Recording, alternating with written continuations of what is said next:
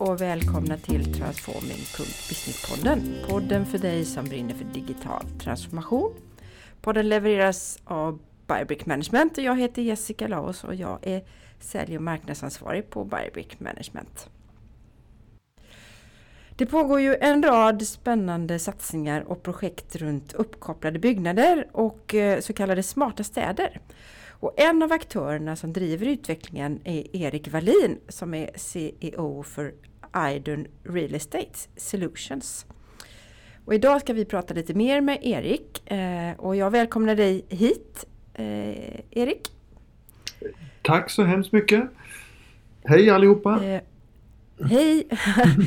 och vi kan säga så här att när vi planerade detta avsnittet så var det faktiskt innan den märkliga kris som vi just nu i mars 2020 har hamnat i. Och därmed så sitter Erik och jag på två helt olika ställen för vi får inte lov att sitta i samma lilla studio.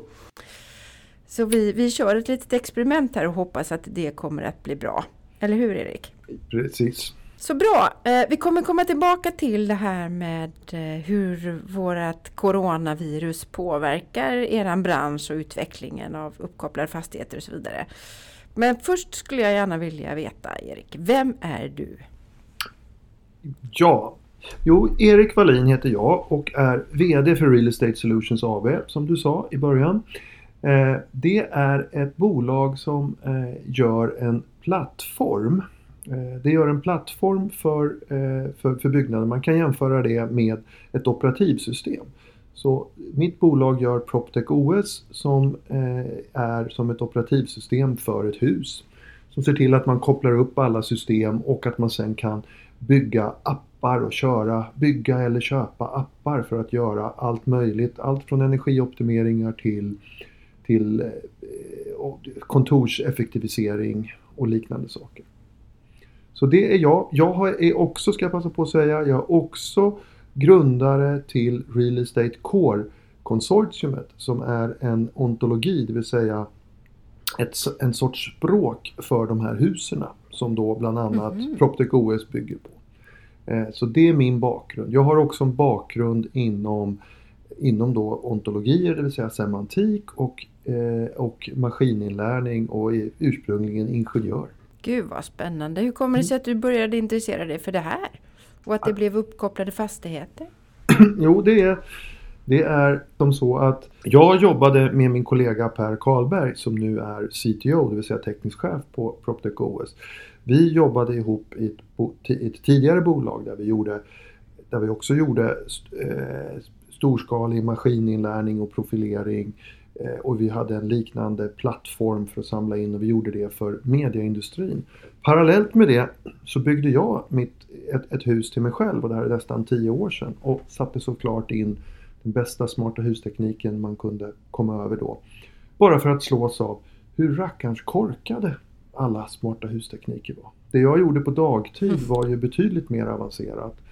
Började jag jobba med att på kvällar och nätter och lediga stunder både jag och Per Karlberg började vi koppla upp eh, våra fastigheter och jag har lite andra fastigheter som jag har jobbat med för att liksom få dem smartare.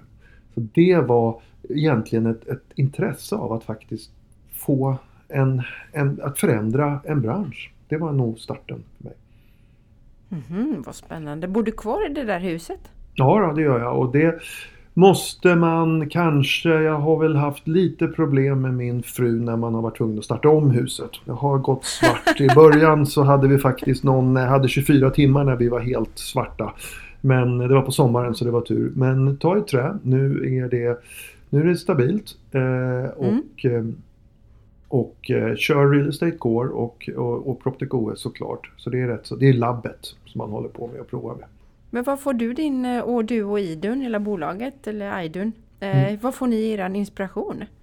Ja, men det är ju från allt som händer. Alltså det, är det som är drivkraften är ju det här att faktiskt att vi har en vision, jag och Per. Och vår vision är att vi vill koppla upp vi vill göra semantiska självlärande system. Det är det vi bygger. Och vi har ju visionen när vi kopplar upp alla hus. Ta valfri science fiction-film och se hur det ska se ut i framtiden när man går in i ett mm. hus eller man går i en stad. Alltså vi, de systemen som finns nu i dagsläget är rätt så långt ifrån. Men vi vill ju se till att, de, att husen blir, blir redo. Att vi liksom sätter API som är så pass, så pass bra beskrivna och så pass mycket kan, är så pass flexibla. Så att man faktiskt kan göra som det ser ut i science fiction, fiction-filmerna. Det är det. Så inspiration, ja, science fiction-filmer skulle jag säga är stor inspiration. Eh, men, men framförallt är det ditåt vi vill.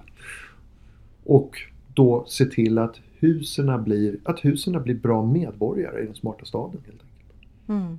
De säger ju det att det, om man nu vill vara med och innovera och driva framåt så ska man läsa både fantasy och science fiction-böcker för att mm. förstå. Ja, ja men det, det är det som är, det, det är ju, det, det är såklart att det där man, där får man rätt så mycket uppslag. Och, och sen så är det ju mycket, prova själv, läs, man får vara med, man får eh, följa olika eh, källor, se vad, vad, vad som görs och vad som görs i andra branscher. Det är ju som hela Semantic Web kom ju från, från, egentligen från life sciences, alltså från medicinvärlden ursprungligen. Eh, så det är ju det är, man, man får vara bara öppen och lyhörd. Mm. Men ja, för många år sedan, det måste vara i början av 2000-talet, så jobbade jag på ett stort telekombolag eh, som då precis hade blivit folkaktienoterat. Mm. Eh, och då hade vi ju eh, samarbete med något bolag som utvecklade smarta hus. Och, och det är ju väldigt länge sedan. Hur har utvecklingen sett ut sedan dess? För man har ju inte, det är inte så att man träffar sådär jättemycket smarta byggnader. Nej, eller det, har gjort under de senaste 20 åren. Ja, nej, men det här är ju lite varför går det så långsamt när det går så fort? Att vi människor, för att, för att liksom parafrasera eh, Proust, eh, att det är ju att jag kommer ihåg att man hade samma känsla jag ju, var ju med när hela digitaliseringsvågen kom också i de där tiderna och framförallt i mediebranschen och man tyckte det gick så långsamt. Men tänk dig i dagsläget om inte internetbankerna funkar då blir det nyheter på Rapport.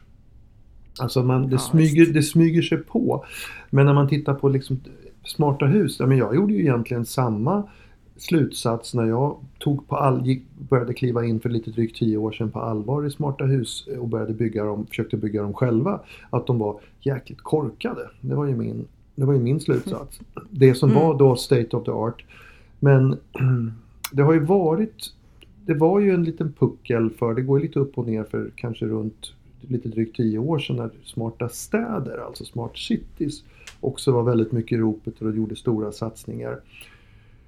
Det, jag tror att man, så är vi ju vi människor. Vi är, vi är lite naiva och vi vill prova på ny teknik och det är early adopters och sen så, så kommer liksom, kommer pucken lite senare och när den väl är här då är det liksom, då är man då, då, tänker man inte på det.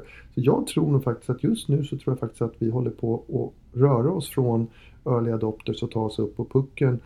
Ehm, och framförallt när det kommer till, till nya hus. Man brukar alltid klaga på att fastighetsägarna är så hemskt efter och digitaliseringen har inte, har, har inte kommit där. Men ja, det, det, jag säga, det finns fastighetsägare som har hållit på med det här några år. Eh, och framförallt så är det ju sådana enorma, det är sån enorm potential i besparingar och nya tjänster vilket gör att jag tror att ekonomin kommer att driva på. Mm. Det är väl så, för vi ser att utvecklingen och utrullningen tar fart. Men vi nämnde ju här i början att vi har ju satt hela världen lite i någon form av vakuum i mm. den krisen som vi har kopplat till Corona eller mm. Covid-19. Hur tror du att det påverkar tempot och tekniken och utrullningen av smarta städer och uppkopplade fastigheter? Ja, alltså det är ju det är väldigt konstiga tider vi lever i just nu och, eh, ja. och, och eh, just nu då den, den, den 24 mars här i, i Stockholmsområdet så går vi liksom nästan bara och väntar på det, det som alla säger, att vi har eh, det, det, den värsta tiden framför oss som vi ska igenom. Eh, det jag tror som kommer att bli för ett sånt här läge är att jag tror att det här kommer liksom att ställa för många branscher och då speciellt för fastighetsbranschen så tror jag att man kommer att de initiativ som man gör, alltså de projekt man driver kommer att bli ännu mera fokuserade. Man kommer att bli ännu mera fokus på att det måste finnas en bra kalkyl, en bra lönsamhet i det. Och det tror jag nog kommer att bli den största skillnaden. Jag tror att, jag pratar med många andra kollegor som jobbar i närliggande som liksom levererar allt från sådana här trådlösa sensorsystem till fastighetsägare till eh, andra typer av lösningar. Och jag tycker mig höra från dem att alla har faktiskt en rätt så eh, stor efterfrågan efter det här att digitaliseringen blir ju ett sätt att faktiskt göra de där effektiviseringarna som man kanske har skjutit på. Så jag, mm. jag, jag, jag, vet inte var det här kommer att ta vägen men jag, jag tror faktiskt att det kommer att bli jag tror att eh, digital infrastruktur kommer, kommer eh, nog att faktiskt få ännu större fokus och ännu större uppmärksamhet hos fastighetsägare. Så på det sättet ja. så tror jag nog att det kommer kanske skjuta, knuffa på utvecklingen, att det kommer att gå fortare. Det är såklart vad jag, hopp, vad jag hoppas också, men, men ja. det är vad jag tror och jag skulle se det som någonting gott ur det här. Men det är så, vi har ju jobbat med att stötta företag, vi på Biobrick Management då, under eh, flera år i digital transformation. Men vi säger också här att nu tvingar man ju fram den digitala transformationen. Mm. Min dotter går i gymnasiet, hon sitter ju hemma och har undervisning mm. till exempel. Och ja. Google har någon form av museie, eh, museivisning digitalt. Då. Mm. Man, man, pratar om att i Italien så kan du följa en begravning, det är väldigt tragiskt. Men, mm. men eh, det forcerar ju digitaliseringen. Så någonstans så kanske det här är en riktig sån hävstångseffekt om man nu skulle titta på det ur det positiva perspektivet. Ja, ja. Eh, för digitaliseringen. Mm. Ja, men, men, om man tittar Ja, nej. Men om man då tittar på just de uppkopplade digitaliserade fastigheterna. Vad är den största vinsten med att och liksom ha den typen av funktioner? Man kan ju säga att det är ju, det är ju två. Det är ju liksom sänk kostnader, öka intäkter. Det är ju grundbultarna. Och man kan ju titta på att där man, som vi pratade om tidigare, vad, har, vad står vi någonstans? Och det har varit traditionellt ska jag säga att det har varit väldigt mycket fokus på energioptimeringar. Och det är det ju fortfarande, men det börjar ha nog mer eller mindre blivit en hygienfaktor i dagsläget. Och det är ju som klart att du spar pengar om du sänker energin. Du faktiskt gör att du spar på klimat och miljö. Och du, eh, alltså det är, det, det är liksom, det, det, är dubbla vinster på att, på att sänka energikostnader för, för, för alla aktörer. Sen så det som det däremot jobbas mycket med också, det är ju nu att också börja se, kan man generera nya intäkter? Kan man hyra ut mindre antal kvadratmeter om vi pratar kontor till som fastighetsägare då och ta mer betalt per kvadratmeter fast hyresgästerna mm. behöver, behöver hyra mindre. Då är också det vinst. Och till, till syvende och sist också brukar man ju säga att det bästa huset ur en miljöaspekt är ju det huset som inte byggs. Så kan vi på ett sådant sätt optimera användningen av våra ytor så är det ett jättespännande område för, alltså för alla olika typer av verksamheter. Allt från skola till kontor till lager till, ja, till, till, till alla olika möjliga. Så jag skulle säga att det är, det är det, finns massvis att göra inom, inom både kostnadsbesparingar och då pratade vi energi. Det är jättemycket kostnadsbesparingar i det som kallas facility management. Alltså allt, mm. allt för att underhålla och hålla receptionister och städa och liknande saker. Och man kan digitalisera och effektivisera det också. Mm. Mm. Sen, eh, digital Twin, pratar ni om det någonting? Ja precis, ja, men det är ju ett, ett populärt mm. begrepp när man, när man eh, precis att man har någon form av igen då, då James Bond eller, eller Tom Cruise i någon film som, som rör sig runt och det här börjar ju komma, börjar ju komma, komma mer och mer och och eh, jag tycker väl det är, en, det är en bra liknelse att se, och se det som att man har en, en, en, en bild av, av hur, hur, hur, hela, hur huset, vilket läge huset är, vilket state som huset är i, i en digital mm. representation. Mm. Mm. Jag tänker för slitage och så vidare kunna förutse och förutspå när människor rör sig. Och... Precis. Ja. Mm. Men du, om jag bor eller jobbar i en fastighet som är uppkopplad, vad har jag för benefits? Vad innebär det? Men även om det finns några baksidor av det här? Ja. Hur märker jag? Ja, men alltså tar man, har man, jag kan ju bara säga att om man jobbar i liksom de, de som är mer sofistikerade uppkopplade fastigheter då kan det ju vara sådana saker som att man, man kan se till att man behovsanpassar ventilation och kyla och värme på ett bättre sätt så att du faktiskt får bättre inomhusklimat samtidigt som man får mindre energipåverkan. Men som, som, som, då, eh, som då hyresgäst eller som den då som rör sig i lokalerna så att du får bättre inomhusklimat. Man ser också eh, att det finns, pratar man just i kontorsperspektivet så är det ju, börjar det bli vanligare och vanligare att man har Eh, den typen av informationstavlor så man ser vilket, var det finns lediga resurser. Konferensrum eller eh, kollegor och liknande saker. Och det är såklart att det spar, spar ju också tid och gör ju att det fungerar med sådana här aktivitetsbaserade kontor. Eh, tar man och bor hemma så kan jag ta ett exempel på härifrån. Den, den mest uppskattade funktionen i vårt smarta hus, det är ju inte riktigt vad man tror, men det är faktiskt den att när man går och lägger sig så kan man Ser man bara på strömbrytaren lite diskret om någon dörr är olåst i källaren eller mm. huvudentrén mm. Så att man kan känna sig trygg och se att huset är låst och säkrat. Och sen så, så kan man släcka hela huset. Så man kan liksom trycka på en, på en knapp och sen så, så sätts hela huset i nattläge.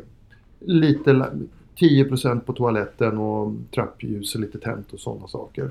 Ja, och på samma sätt funktionen att när någon i vårt, jag eller min fru lämnar huset, det vill säga att våra iPhones lämnar huset och dörren är låst, då stänger huset av alla lampor och spisuttag och strykjärnsuttag och liknande saker. Och ja, apropå det här när vi hade de här driftstörningarna när den där funktionen togs bort. Då blev det klagomål här på, på från, från, invånarna i huset. Och när det hände också att man kom hem, hade någon driftstörning i det, kom hem och hela huset var upptänt för de hade åkt på morgonen om jag hade åkt tidigast. Och det var ingen som hade mm. brytt sig om att gå runt och släcka i huset för det sköter ju sig själv. Så man, ja, märker, man märker att mycket små, att man ökar automatiseringsgraden. Eh, mm. Eh, och, man, och det vänjer man sig vid. Ja, men det är på samma sätt, man är ju så van vid att man har att man har massa saker som man tar för givet med, med eh, automatiseringar. Allt från att du kokar vatten i din tekanna som stänger av sig själv på morgonen till, till, till att eh, värmen reglerar sig automatiskt. Det behöver man inte göra i ett hus. Man, så man, man kommer, jag tror att man kommer gradvis bara lägga på mer och mer funktioner. Och jag märkte ju att när vi tog bort funktionerna på grund av olika, när jag byggde om för att prova någonting. Då märkte man vilka det blev väldigt mycket klagomål på bland mitt, mm. mina labbråttor då, min familj. Här. Mm.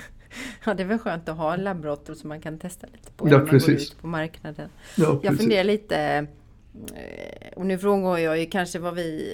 Jag, jag tänker högt och, och, så. Om man tittar i filmer och, och så, så har man ju ett, en väckarklocka ringer och samtidigt när det ringer så går det ett larm till en taxibil någonstans om att nu har han vaknat, nu ska han bara göra detta och detta. Mm. Eh, nu tar han kaffekoppen. Eh, alltså man på något sätt kan mäta och så får man ett schema. Mm. Eh, och så kommer man in, alltså man är uppkopplad, det, det liksom blir någon form av ekosystem i det här. Ja, ja. Nej men jag, nej, men jag, tror, jag tror det att man, man ser just hur man kopplar ihop mer och mer appar. Eh, mm. och, att det, och sen så är det ju, ja, men jag tänker på lite om jag kanske känner mig lite som jag inte tror det här. När man ser sådana här lite eh, promotionfilmer för smarta hus från liksom olika stora globala leverantörer så är grejen att när jag kommer till mitt kontor så är kaffekoppen redan klar. Och jag, man kan väl, ja, jag vet inte om det kommer att vara de stora nyttorna. Att, att, att kaffekoppen står klar när jag kommer till mitt kontor eller att eller eh, den typen. Men, men en sak är säker att den här med att släcka hela huset när man går och lägger sig eller att huset stänger av sig själv när man, när man lämnar huset på morgonen för att åka till skolor och dagis och, och sånt. Den funktionen hade vi inte jag trott skulle vara liksom killer-appen i, i, i vårat lilla labb här. Att det är de två, de två mest använda funktionerna som är larviga va? Men, men, eh, men väldigt användbara. Det kanske är så. Det låter ju inte så coolt men det är ändå mm. användbart. Ja, de coolare lösningarna de är coola framförallt på film. Men ja. kanske inte de som man Nej. uppskattar. Okej, okay, kaffet är klart. Ja, och det kommer ju vara, man, vi kommer ju behöva prova oss fram till och se. Mm. Men det är väl egentligen det, det är det jag jobbar med. Jag är ju rätt så, jag och Idun är ju rätt så tråkiga för vi räknar ju på allting och vill ju liksom se hur ser ekonomin ut när vi Mm. Vilka appar är det? Så att man på något sätt på tidigt stadium kan säga att den där appen kommer kommer med väldigt liten sannolikhet att betala sig. Du, vi borde göra den här tråkiga appen istället. Ja. Den, den finns det mycket bättre business case i. Det som är need to have och inte nice to have, som för att använda ett klassiskt uttryck. Ja, men precis. Va? Och egentligen det som är de som är faktiskt där man ser att här har man antingen stora användarnyttor eller man har faktiskt stora kostnadsbesparingar eller nya intäktsströmmar. Att man liksom mm. är rätt så mera av en traditionell ekonomidirektör eller en CFO, att man faktiskt att man räknar på allt. Det här, kan ju, det här är ju självklart, men det här är också en bit i mognadsgraden i digitaliseringen. Att man liksom måste fokusera på vad är nyttorna med det man gör. Ja, såklart. Och så är det ju med alla delar. Det är bara att man, man vill ju gärna tänka att det kanske ska vara coolare än vad det är. Ja. Men jag läste om ett projekt i Göteborg, ett hus, mm. där man på något sätt mätte alla aktiviteter, det var uppkopplat. Mm. Och sen sparades den datan och så var den öppen för andra bolag att forska på. Mm. Eh, både forska på men också skapa appar. Mm. Och när tror du att vi börjar se mer av den typen av fastigheter, bostadshus? Där datan är tillgänglig för andra att göra affärer på. Vi pratar om intäktsströmmar och sådär. Ja, jag tror ju man kan dra parallellerna till, till internetannonserings eller liksom annonseringsbranschen där. Jag sitter med, Real Estate Core och Idun är med i ett projekt som startade precis som heter Fastighetsdatalab som är, är finansierat av Vinnova. Och vi har alla stora fastighetsägare, aktörer och både leverantörer och Boverket och liknande med här. Så det är jättestort initiativ. Eh, jag tror det är officiellt 26 stycken med, men jag tror vi var 76 på startmötet. Eftersom det är öppet och, och, och, och mm. Vinnova-finansierat så är det ju alla är välkomna. Men där är här en av de stora frågorna. Jag är ju tillhör, och jag vet ju att när vi har tittat på andra initiativ som vi har lite amerikanska, då har man kopplat upp universitet och just gjort vad du säger, exponerar här. Men jag är ju, är ju kanske så krass så jag säger som så att dels finns det ju en GDPR-aspekt på det. Att du mm. inte, kan inte exponera all data för du kommer att hamna i, i kommer liksom att, att exponera data som används för spårning. Och sen så, så men den, den tror jag är det lilla problemet. Det stora problemet är det affärsmässiga eh, problemet för, för fastighetsägare. Att jag kan inte släppa ut datan för, på mina hyresgäster. Om jag har en stor kedja, retailkedja, jag kan ju inte släppa ut och exponera den datan för att det dröjer inte länge innan någon kop, kommer ihåg, kop, kopplar ihop rörelse eller någonting i, i butikerna med aktiekursen för den retailkedjan och så kan man börja göra massa saker. Eh, mm. Så den ser jag som den ser jag som, eh, jag ser de här, och det här håller vi på att diskutera mycket i fastighetsdatalabbet och det är just det här med att vilken data kan vi faktiskt släppa? Och då kommer man till annonsmodellen och lite internetannonsmodellen. Jag menar, Facebook är ju gratis, eller hur? Det är det ju inte. Eh, Nej. De säljer ju min data. Så man skulle mycket mm. väl kunna tänka sig att det kanske kommer någonting. Ja, visst, du får komma här och, sitta gratis i det här eh, coworking-labbet. Men då så kräv, då kommer, plockar vi av dig all data. Du får reducerad hyra eh, mm. mot att, du, att datan kommer. Den modellen är väl jag vet inte om det är också är science fiction men att den modellen, så funkar det ju på, i, på internetannonseringssidan så jag, jag, skulle inte bli helt förvånad om det kommer att komma någon form av liknande modeller. Med reducerad Det är inte helt omöjligt tänker jag. Med, alltså, om man tittar på eh, abonnemangsformer med och utan reklam där du inte ja. betalar om du tar emot reklam. Det är liksom priset du får betala. Ja. Det är Spotify, Spotify med. hade, ja, mm, Exakt, och att det skulle kunna bli ett alternativ. Mm, eller Youtube ja. ja men så, så jag tror att det, det kan nog säkert, jag vet inte om, om det mm. är när vi, när vi hör den här podden om fem år och vi tyckte gud vad vi var naiva som, som trodde det. Men, ja. Men, men jag, jag, vet inte. Men, men att helt klart så är ju det. Jag tror ju det här med att att släppa all data fri är jättenaivt. Både ur affärsperspektivet och också ur ett GDPR-perspektiv. Att det kan man nog inte ens göra om man är ett universitet så länge. Eh, för att man kommer åka på GDPR-problematik. Mm. Mm. Med vad man kan, vi... hur man kan spåra vad folk gör eller gjort eh, med hjälp av den. Mm. Sen finns det ju andra fastigheter också. Jag tänker framförallt på sjukhus och andra ja. byggnader som har en, en samhällscentral funktion. Där kan man givetvis inte sälja data men hur vidare kan man jobba med uppkoppling och, och, smarthet i de byggnaderna för att på något sätt effektivisera? Vi ser ju nu till exempel att de går på knäna ja, ja. Eh, inom vården. Ja. Jo, nej men det, och det är ju Nej, men om man tar lite på det där, en helt annan aspekt, du har ju också det här med att du kan ju inte exponera all data för att om någon vill göra någonting dumt och dåligt så, så, så vill man ju inte att de ska ha hjälp av en massa data så de kan ska, ås, åsaka, åsamka ännu mera skada på människor och egendom. Eh, så det är också en aspekt på det att du kan inte släppa ut all data.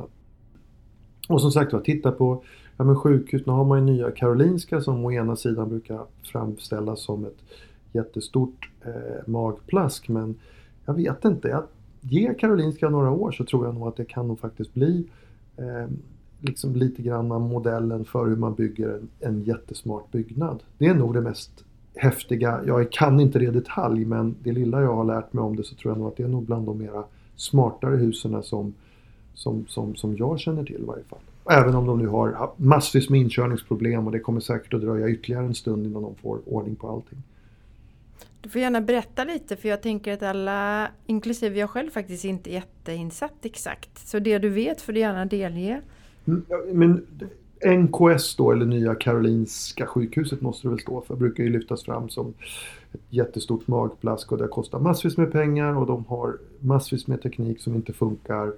Eh, och så är det. Men när man, jag som sagt var kan det inte jättemycket men när man, det lilla jag kan på det där så har de ju liksom positionering så de har ju som självkörande små robotar som kan leverera material och, och, och köra mellan våningar och lager.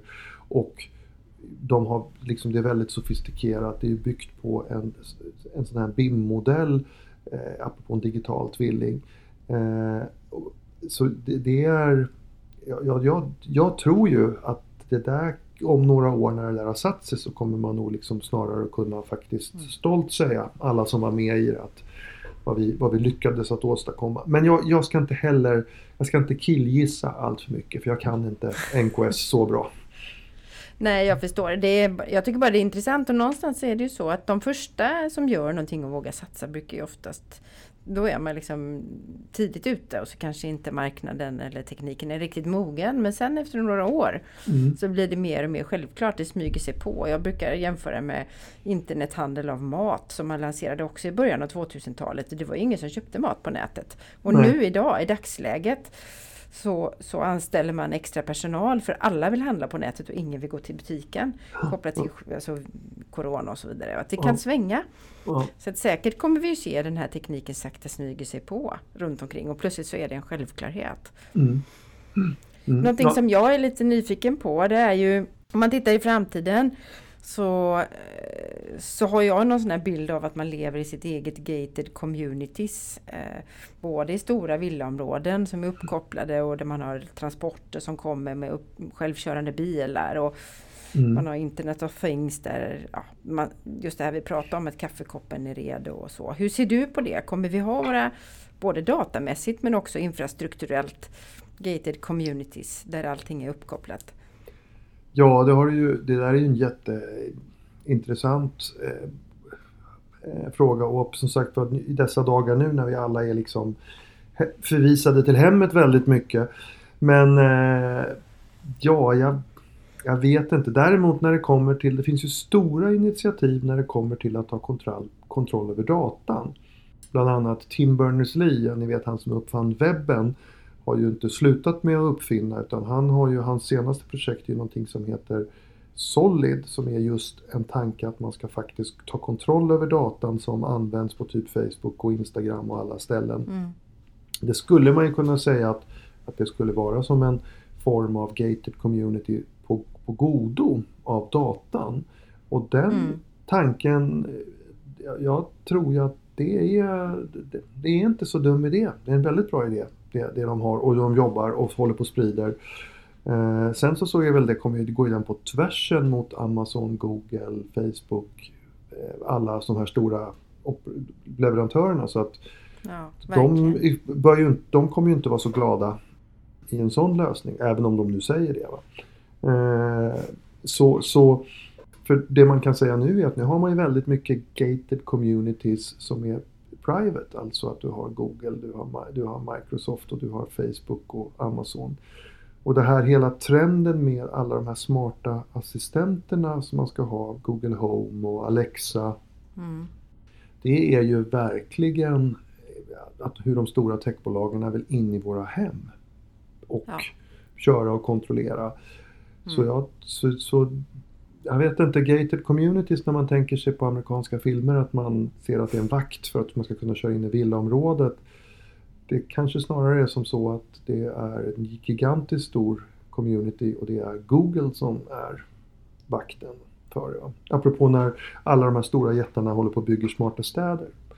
Google Ja. i Toronto och eh, vad de andra håller på. Va?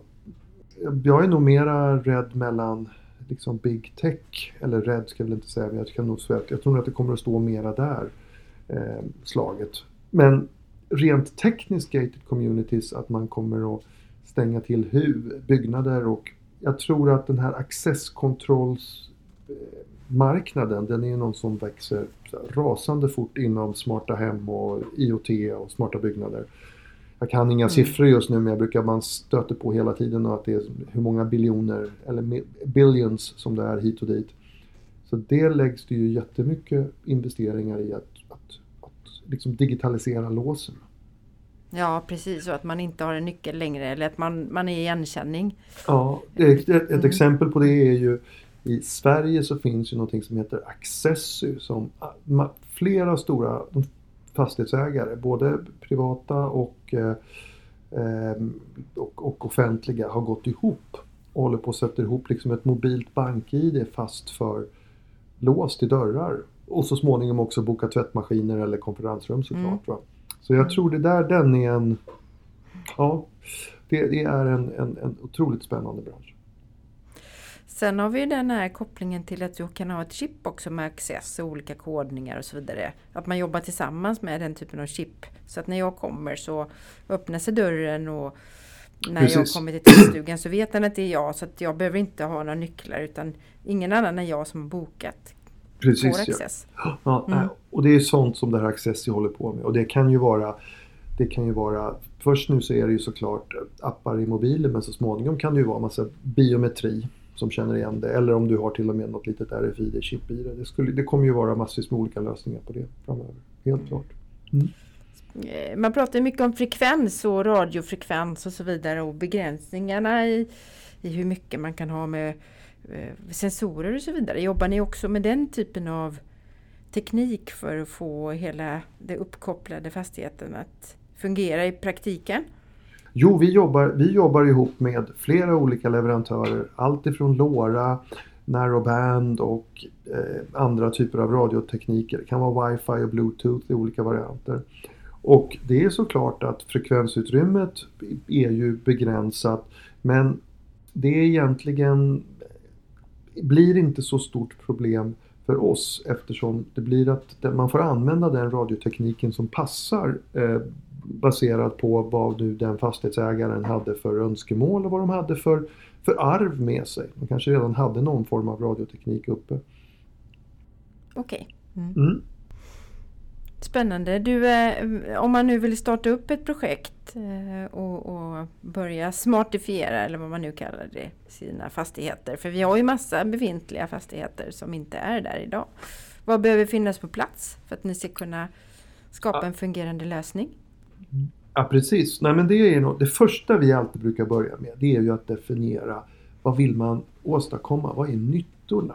Alltså varför gör man, gör man det här? Och att man också förankrar det i organisationen så att man egentligen gör en liten backlog. Alltså egentligen gör man en liten prioriteringslista där man säger att det viktigaste vi har det är att förbättra inomhusklimatet och sänka, energi, eh, sänka energiåtgången.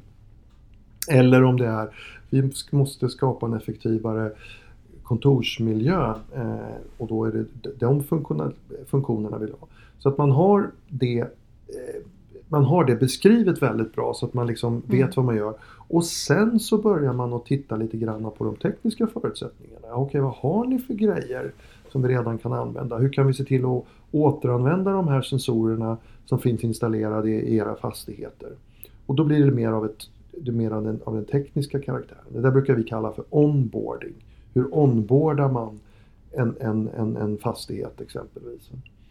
Eh, och sen när man gör det så, så eh, har, man, har man då liksom förutsättningarna för vi ska göra någon app, vi ska göra en app för att sänka energikostnader och för det behöver vi ha lite rumsklimatsensorer, lite temperatur och saker och vi behöver veta energiåtgången och vi måste kanske kunna styra ett värmeaggregat eller ett ventilationsaggregat ja, då har man förutsättningarna för att faktiskt kunna lösa det här. Eller så måste man efterinstallera något och säga att vi måste installera extra temperatursensorer med hjälp av någon IoT-teknik exempelvis. Så, mm.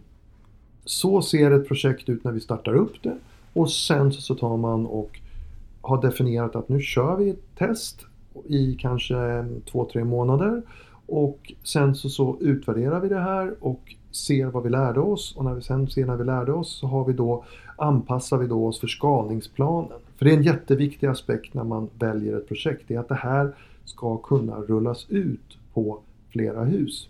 Så man kan se att det här ska vi prova på ett hus och sen ska det kunna rullas ut på hundra hus. Hur ser ekonomin ut och planen för det? Mm. Och så kör man den första bara för att, ja, för, att, för att validera och lära sig då liksom tweaka det lite och säga ja, men det där gick ju inte så bra som vi trodde. Det här gick ju mycket fortare. Då gör vi så här istället. Det, det där för mig lite i tanken till eh, ett avsnitt jag spelade in om AI och när man ska börja med AI-projektet. Då ska man titta på ett problem som man mm. har och lösa det och inte bara tänka jag ska jobba med AI. Och ni tänker lite likadant förstår jag här. Att vad, vad vill jag åstadkomma? Vad har jag för utmaning? Ja. Men, och, hur, och hur, inte bara löser jag det i en utan problemet är att jag ska göra energibesparing på alla mina hundra hus. Jag ska inte, mm. och då gör, men vi börjar att göra det på kanske ett eller några stycken och sen så, så tar vi lärdomarna därifrån och, mm. och applicerar på, på de övriga. Så vi redan från början har den här planen på sänka energikostnaderna med 10% i ett helt fastighetsbestånd. Det kanske inte kommer att gå att göra på alla hus men kan vi göra det på 80 i varje fall. Så, så, har, så har, vi liksom, har vi lyckats. Mm. Jobbar ni, jobbar ni någonting med AI-tekniken? Ja, alltså både jag och Per Karlberg kommer ju från, vi, vi, vi har ju byggt väldigt stora maskininlärningssystem och just när vi jobbar med semantik och maskininlärning ihop Eh, det vi gör just nu så bygger vi framförallt plattform eh, som möjliggör, alltså vi gör ju den här, vi krattar ju manegen för att du ska kunna på ett effektivt sätt kunna stoppa in olika algoritmer på toppen och där jobbar vi ihop med, eller ihop, vi har ju andra leverantörer i ekosystemet. Men man kan säga så att vi är, är vi, våran plattformen fungerar liksom som en trädgårdsmästare för AI. När man håller på och gör AI-projekt så går ju en stor del av tiden går ju åt att få ordning på datan som man, som man kommer in. Och det, är den ja, vi har sett till. Och vi sätter också upp såna här pipelines för träningsdata som gör att applicerar så är det redan färdigt. Så de som, de som, de som liksom tunar en AI-algoritm kan lägga fokus på att göra algoritmen så bra som möjligt. Mm. Så, så det, är, det, så det, det, är ju liksom, det, det, det, är det vi har lärt oss när vi har jobbat med stora maskininlärningsprojekt. Att det, stora kostnaden är att få ordning på datan. Mm. Har du något spännande flaggskeppprojekt som du kan eh, inspirera med?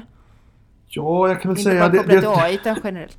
Ja, eller nej, men det är något av de projekten, det som jag tycker är, som vi har gjort. Vi jobbar ju jättemycket ihop med Vasakronan.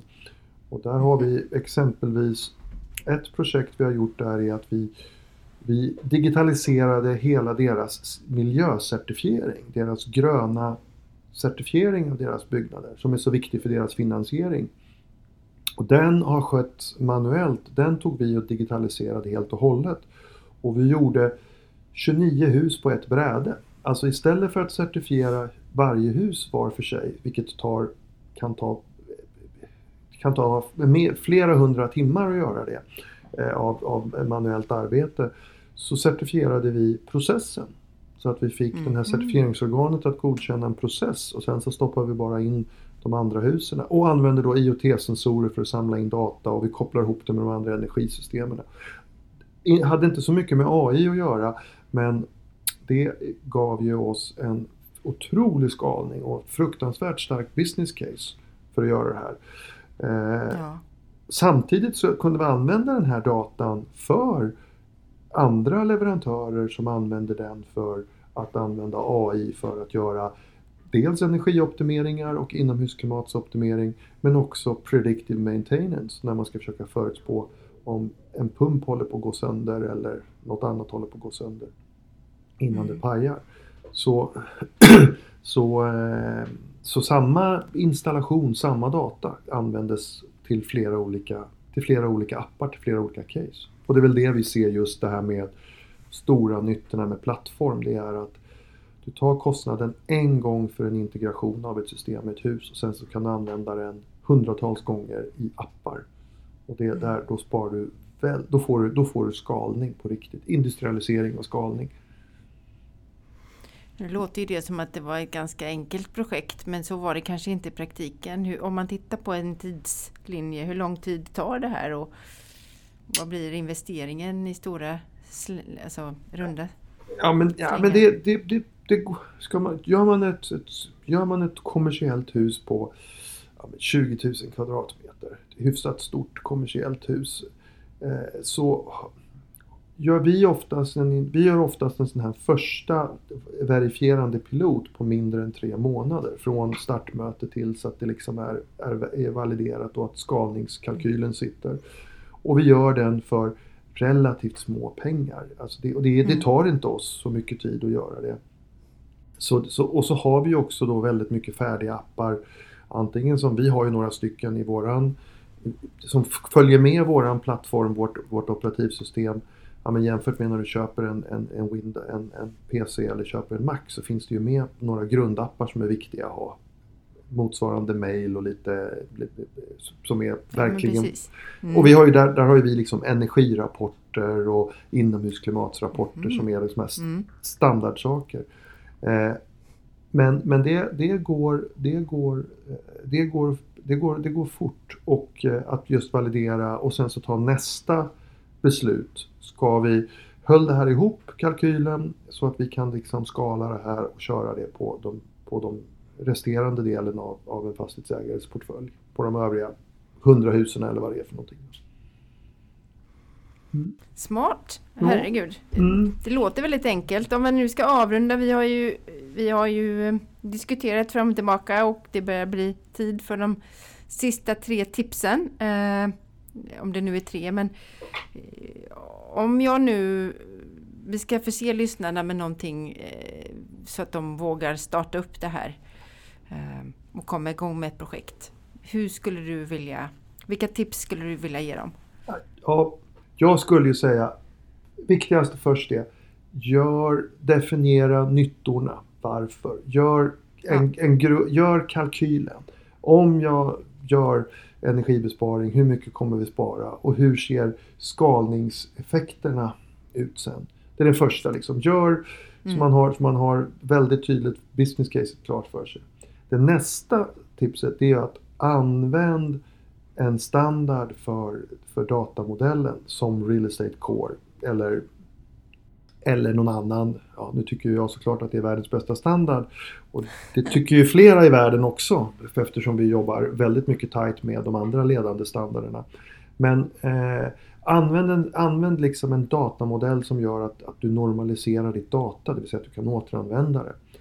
Och sen så det tredje att använd en plattform för att samla in datat så att du inte gör massa stuprörsintegrationer. Utan du måste tänka på, för då kommer du aldrig kunna skala. Alltså du kan inte installera ett fantastiskt system i ett hus och göra ett prov för att sen ska, ska jag ta det gånger hundra i dina fastigheter.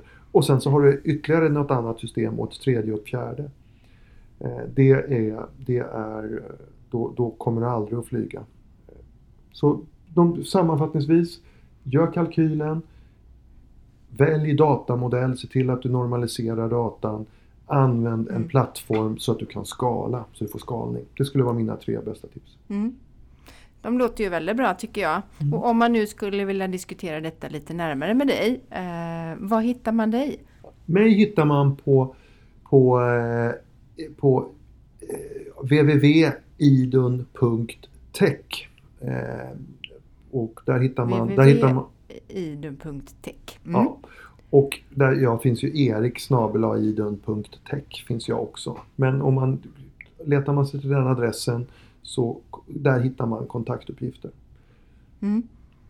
Jag är helt övertygad om att det här avsnittet kommer ge, eh, ska, det skapar mer nyfikenhet och det finns mer att diskutera. Ja, ja men det vore jättekul. Det var jag ju glad att, att, att vi hoppas att det, att, att det blir det. Ja, jättekul. Ja, det får vi se lite grann. Det är upp till lyssnarna här och, och värdera hur tekniken har fungerat. Jag har hört dig eh, genom mina små hörlurar här och pratat in i mikrofonen. Eh, och du har hört mig gissar jag. Jag har hört dig ja. Spän- ja, spännande avsnitt. Och så eh, jag vill tacka dig eh, för att du tog dig den här tiden mitt i dessa märkliga tider. Och eh, jag är helt övertygad om att vi kommer spela in fler avsnitt lite mer detaljerat längre fram. Ja men det vore jättekul. Ja. Jag, jag kommer gärna om jag blir, om jag blir bjuden igen. Jo men absolut och som sagt planen är väl att vi tillsammans kan sitta i en och samma studio och fördjupa oss ytterligare. Ja, vi får Men, ta det eh, någon gång. Inte, inte allt för avlägsen framtid får vi hoppas på. Vi får väl se Mm. vad som händer. Ja. Men eh, vi tackar, tack för, för ett jättebra samtal, jättebra avsnitt eh, och mycket lärdomar. Mm, tack själv. Ha det så bra. Tack. Tack, hej.